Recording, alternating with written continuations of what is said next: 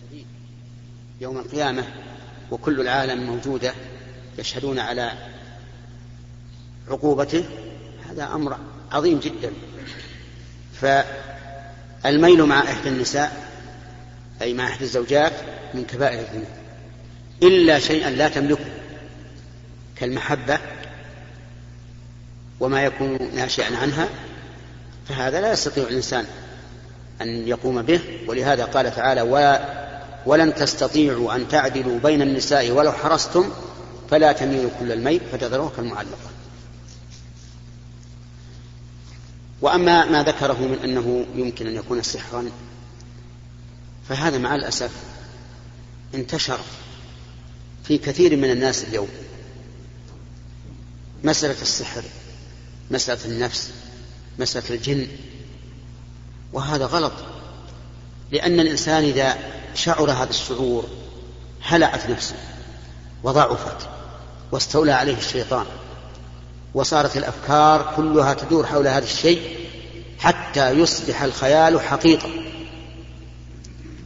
لكن لو أن الإنسان اعتمد على الله عز وجل وتوكل على الله حق التوكل وصار قويا بالله فإنه لا يهم ويعرض عن هذا كله. ويعتقد أن هذه أمور تعرض للإنسان يعرض الانسان ضيقة الصدر يعرض الانسان الكتم يعرف الإنسان أشياء كثيرة حتى أن الرسول عليه الصلاة والسلام قال إنه ليغان على قلبي وإني لأستغفر الله قال سبعين مرة أو أكثر من سبعين مرة. فلهذا نصيحتي لإخواني أن لا ينسابوا وراء هذه الأوهام والتخيلات. نحن لا ننكر أن الجن يمس الإنسان. كما قال تعالى إلا كما يقوم الذي يتخبطه الشيطان من المس في المرابين. وكما جاءت السنة بذلك. لكن ليس معناه أن كل ما أصابنا حتى لو يصيب بعض الناس زكمة قال هذا جن تلبس به. هذا غلط. الواجب الإنسان يكون عنده قوة وتوكل على الله. ثم يستعمل الأوراد الواردة عن الرسول عليه الصلاة والسلام. كقراءة آية الكرسي في, في الليل وكذلك قراءة البقرة في, في في البيت وما أشبه ذلك.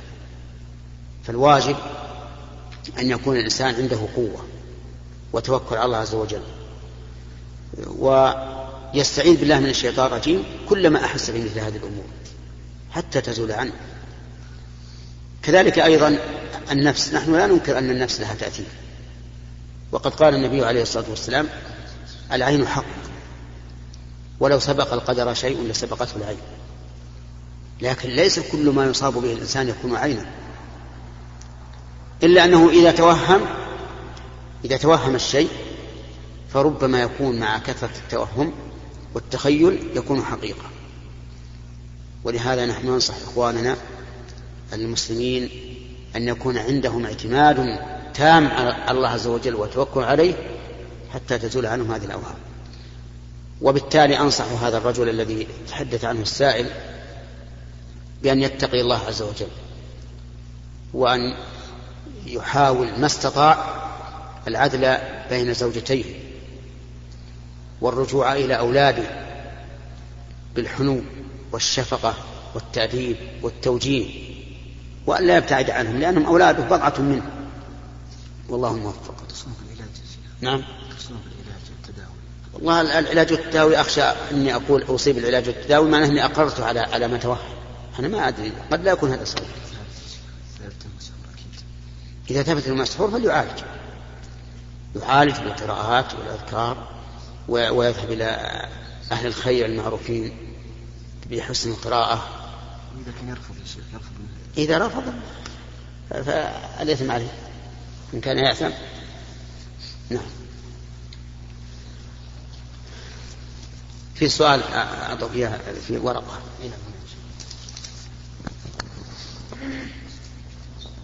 اسأل أنت أنت اسأل. السلام عليكم ورحمة الله وبركاته. فضيلة الشيخ ما رأيكم ما رأيكم في من يعطي صكه لغيره لإدخاله في الصواء صك هذا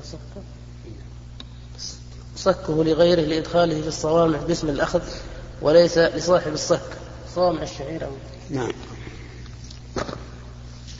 هذا يقول إن الإنسان يكون عنده صك باستحقاقه لإدخال زرعه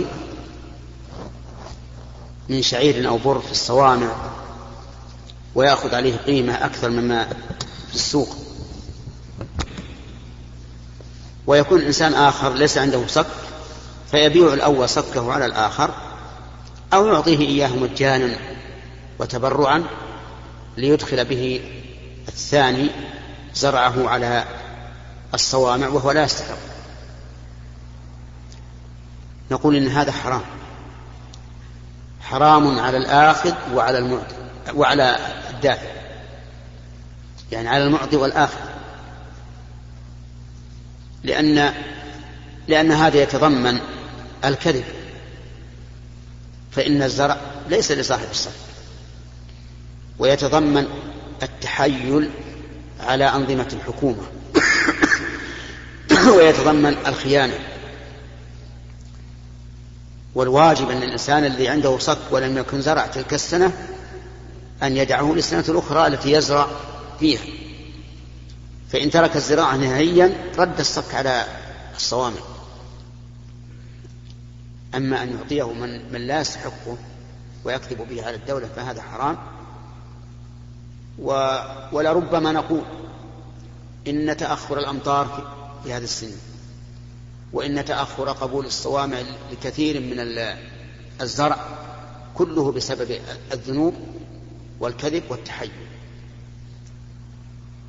فنصيحتي أن الإنسان يكون صادقا مبينا واضحا صريحا.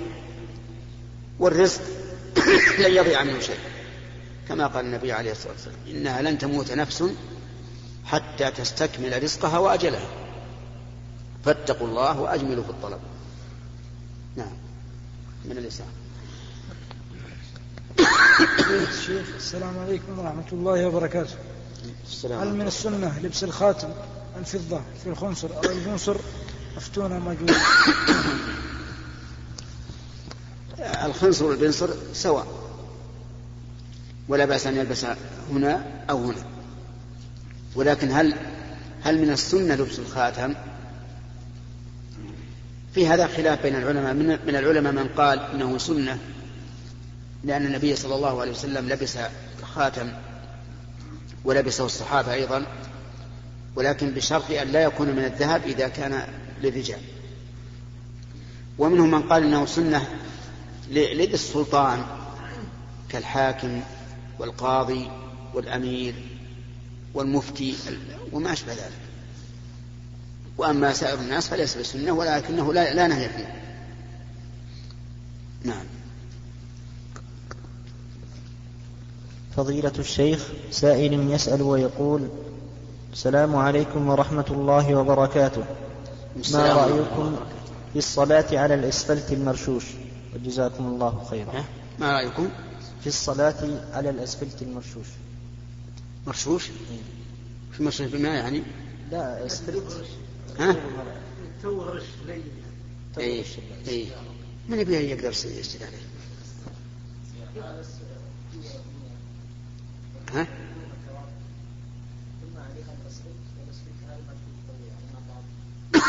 أنا أعتقد إن صار لين ما حد ساجد عليه لأنه بس حار ها؟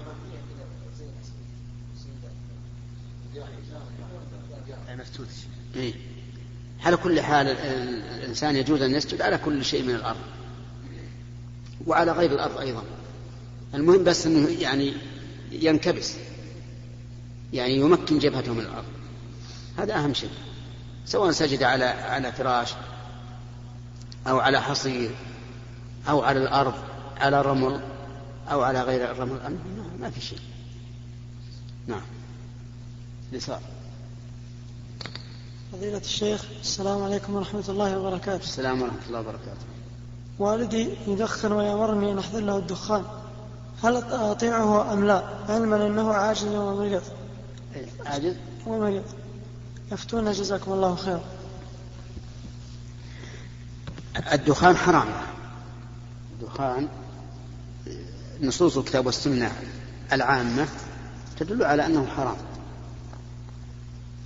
وإذا كان حراما وأمرك أبوك أن تأتي له به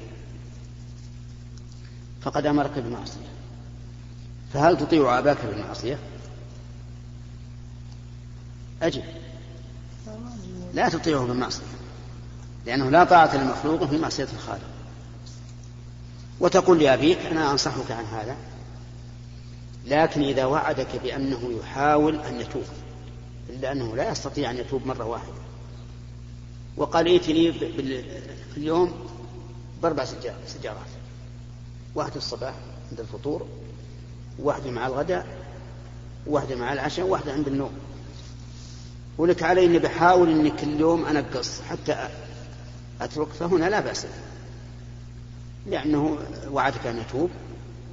ومعروف ان صاحب الدخان المبتلى به والعياذ بالله لا يمكن في الغالب أن ينقطع منه مرة واحدة. أما إذا كان لا جب لي بيستمر كل يوم يشرب له عشر مثلا لا لا تطيع حتى لو زعل لو تكلم لو دعا ما ما يضر. نعم. يموت. لا إذا كان إذا كان يمكن أن يموت. لا إذا كان يمكن أن يموت أو تصيب غيبوبة هذا ضرورة. يعني الإنسان اللي يخاف من الموت يأكل من الميتة ويأكل من الخنزير. نعم. الخمر ما هو بدواء والله الخمر ما أدري عنه. الظاهر ما يزيده إلا بلد ما يزيده إلا بلد نعم. السلام عليكم ورحمة الله وبركاته.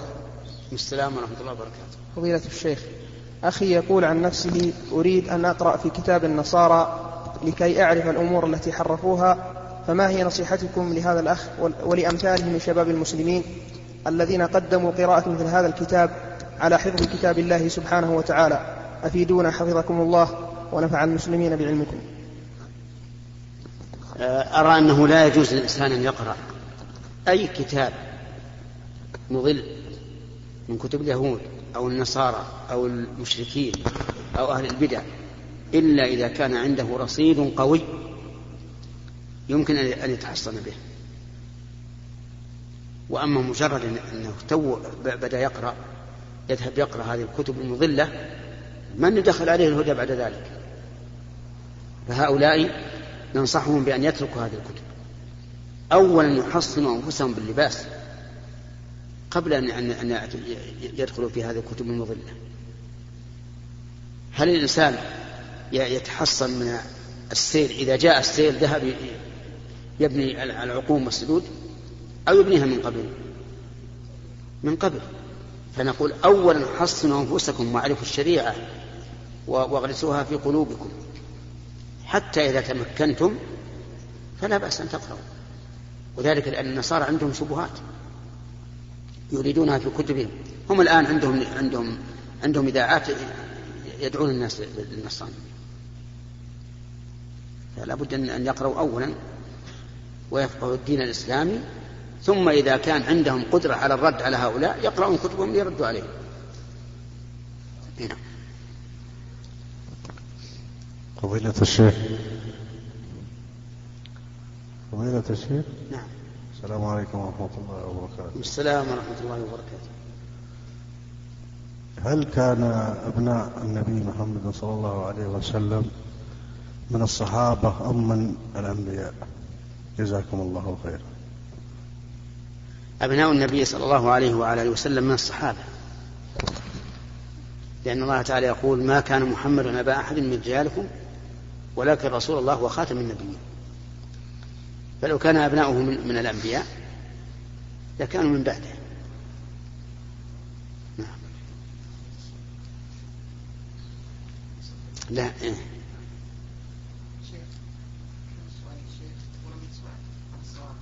معلش إيه، خذها من الأخ.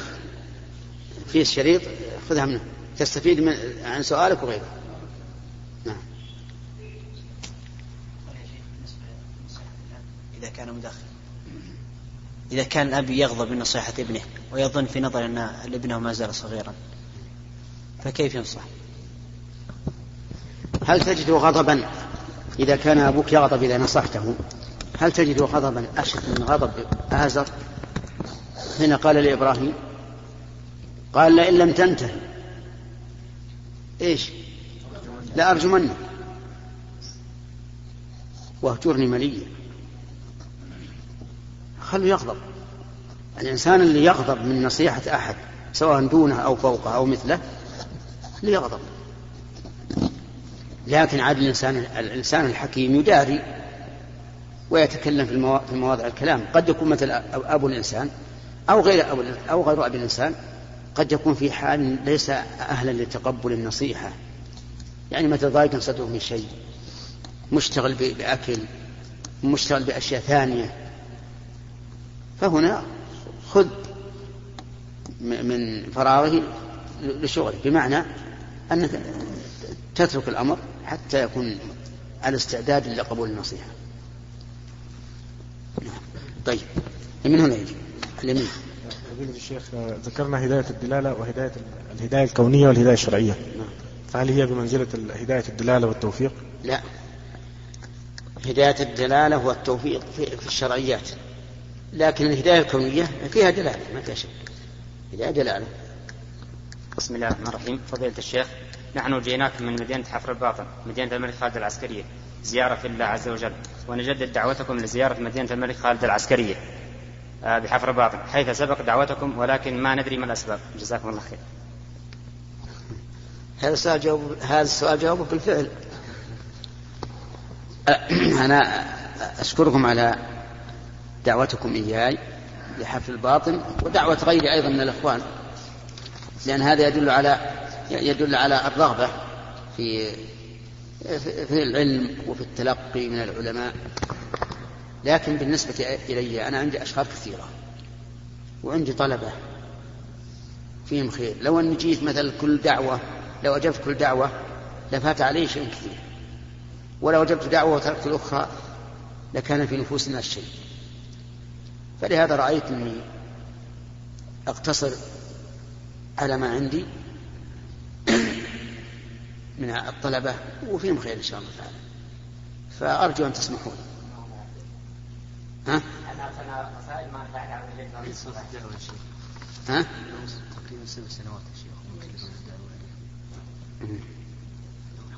على كل مين مشكلة الدعوات الدعوة قائمة بال... بال... يعني سواء كان بإرسال الرسائل أو غيرها لكن بس والله أشغال كثير من موقف.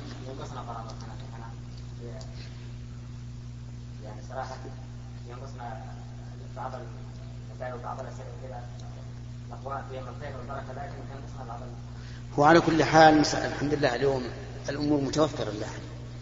ما دام عندنا أشرطة أشرطة مسجلة. يستطيع الإنسان أن يأخذ لكن ينبغي للمسجلين أنهم يجعلون أسئلة الفقه وحدها وأسئلة العقيدة وحدها. عشان من أراد الفقه يأخذ من الفقه من أراد العقيدة يأخذ من العقيدة. يعني الآن أسئلتنا كما ترون فيها فقه وعقيدة وغيره لكن لو أن المسجلين يرتبونها كان طيب إن شاء الله.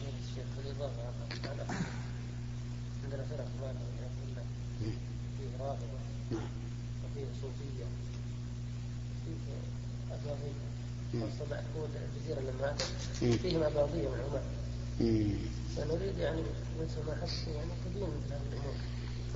بحاجة ناس. هذه بارك الله فيك أحسن شيء. أنه يكتب عن الموضوع إلى إما وزارة الشؤون الإسلامية أو دار الإفتاء. حتى يكتب مثلا أشياء نافعة. يأخذها الناس بأيديهم. يقرؤونها ويعلمون الناس الحق. هذا أنا أرى أنه أحسن وأجدى فأنتم لو تكتبون لوزارة الشؤون الإسلامية أو لدار الإفتاء إننا محتاجين إلى فتوى وتبينون المشاكل التي قد تذكر هناك من بعض هؤلاء المبتدعة لا. خرج بسيارته مثلا ثم نزل في مكان وحان وقت الصلاة ولم يكن يوجد معه ماء فإنه يتيمم مع أن الماء قد يكون قريب منه جدا. فما حكم آه، تيمم هذا الرجل؟ وأيضا يا شيخ إذا نزل رجل في مكان أو في مسجد على الطريق ولم يكن ولم يوجد ماء في هذا المكان أو في هذا المسجد فهل يجب عليه أن يبحث عن الماء؟ نعم. قال الله سبحانه وتعالى في آية الوضوء والغسل وإن كنتم مرضى أو على سفر أو جاء أحد منكم من الغائط أو لمستم النساء فلم تجدوا ماء فتيمم. قال العلماء قوله فلم تجدوا دليل أنه طلب لأنه لا يقال من لا يجد إلا من إلا من طلب. وأما رجل يريد أن يكون الماء عنده في حمامات حول المسجد هذا قد لا قد لا يحصل. فالواجب أن الإنسان إذا كان الماء قريبا منه أن أن يتطهر بالماء. أما إذا كان بعيدا فلا بأس. إذا حضرت الصلاة فصل كما قال النبي عليه الصلاة والسلام. فأيما رجل أدركت أدركته الصلاة فليصلي. يعني يصلي بالماء إن كان حاضرا وإلا فبالتيمم. إيه نعم نعم يجب أن يبحث. يبحث ربما يجد مثلا أشياء مثلا بزابيز. جاهزة؟ أو يجد أحد يبيع الآن الحمد لله ما تجد بقالة إلا وفيها ماء يباع. مع الصحة يمكن يتوضأ به الإنسان بسم الله الرحمن الرحيم.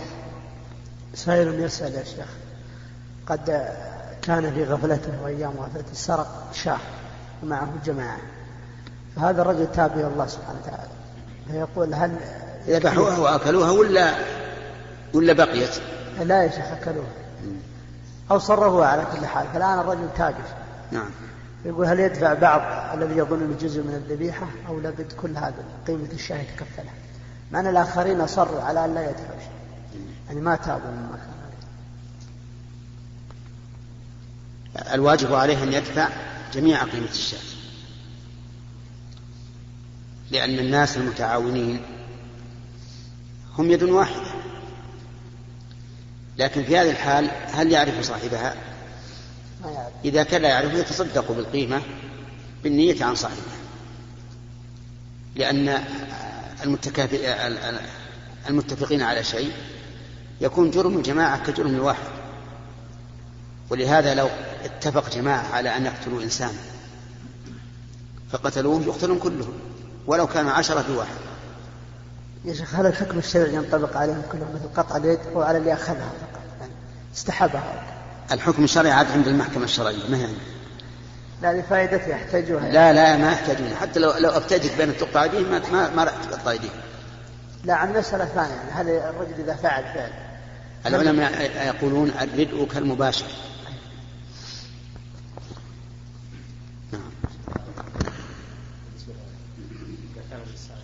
عادة يصلي سنة الوضوء ولكنه توضأ بعد عصر الجمعة ليصلي لأجل الدعاء.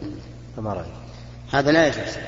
إذا كان ليس من عادة الإنسان أن يصلي إذا توضأ لكن توضأ لأجل أن يصلي فهذا حرام. لأن الصلاة التي ليس لها سبب في هذا الوقت حرام. والوضوء للحرام حرام. فلا يجوز أن يتوضأ لأجل أن يصلي. لو كان يجوز أن يتوضأ ليصلي لم يكن للنهي فائدة. لكن إذا كان ليس من عادته أن يتقدم إلى المسجد. ليس من عادته يتقدم إلى المسجد. وفي يوم الجمعة توضأ وتقدم إلى المسجد فهذا لا بأس به. لا بأس لأنه ونعم يصلي تحت المسجد ويدعو بما شاء. أي خلاص؟ نعم. ما في سؤال؟ طيب. فضيلة الشيخ قد سبق مع بعض الإخوة نقاش في موضوع اقتناء بعض المجسمات الآلات الموسيقية. مجسم جبس يعني شكل جبس لجهاز موسيقي. ففي من ذكر لكن يضرب عليه؟ لا جهاز صورة. أو للزينة أي. هيكل نعم. آه، ففي من ذكر قال أن هذه معصية. اقتناء هذا الشيء فهو معصية. في من ذكر قال يحتاج إلى دليل وهذا تأثيم مسلم يحتاج له إلى دليل. فكان في تعارض في المناقض والله على كل حال إذا كان لا يستعمل فالأصل حلال لكننا لا نحب أن أن يوضع هذا مجسما بين الأهل والصبيان لأنهم يألفون مثل هذه الصورة. ولا يستنكرونها في نفوسهم. والإنسان إذا لم يستنكر الصورة وأنس بها سهلت عليه بس من هذه الناحية فقط. لا يؤثر. هي ذريعة يخشى أن يكون في المستقبل ما يهمهم هذا الشيء. الأولى منعها. الأولى منعها. نعم. أي نعم. مصلى العيد إذا دخلت مصلى العيد فلا تجلس حتى تصلي ركعتين لأنه مسجد. والدليل على أنه مسجد أن النبي عليه الصلاة والسلام أمر الحيض إذا خرجنا لصلاة العيد أن يعتزلن المصلى. وهذا يدل على أنه مسجد. أي في ناس نعم في ناس يقولون صلوا وفي ناس يقول لا تصلي حتى العلماء في علماء يقولون صل العلماء الأولين في علماء يقولون صل وعلماء يقول لا تصل لكن نرى أنه يصلي. أي لا يجلس قبل طلوع الشمس أو بعد. لا يجلس حتى يوصل ركعتين. لا مصلى العيد في المدينة خارج المسجد هذا. وإلى هنا ينتهي المجلس لأنه أذن ومن لم يتيسر له أن يسأل فنرجو منه المعذرة. وبإمكانه لو أن أنه يأتي إن شاء الله الأسبوع القادم.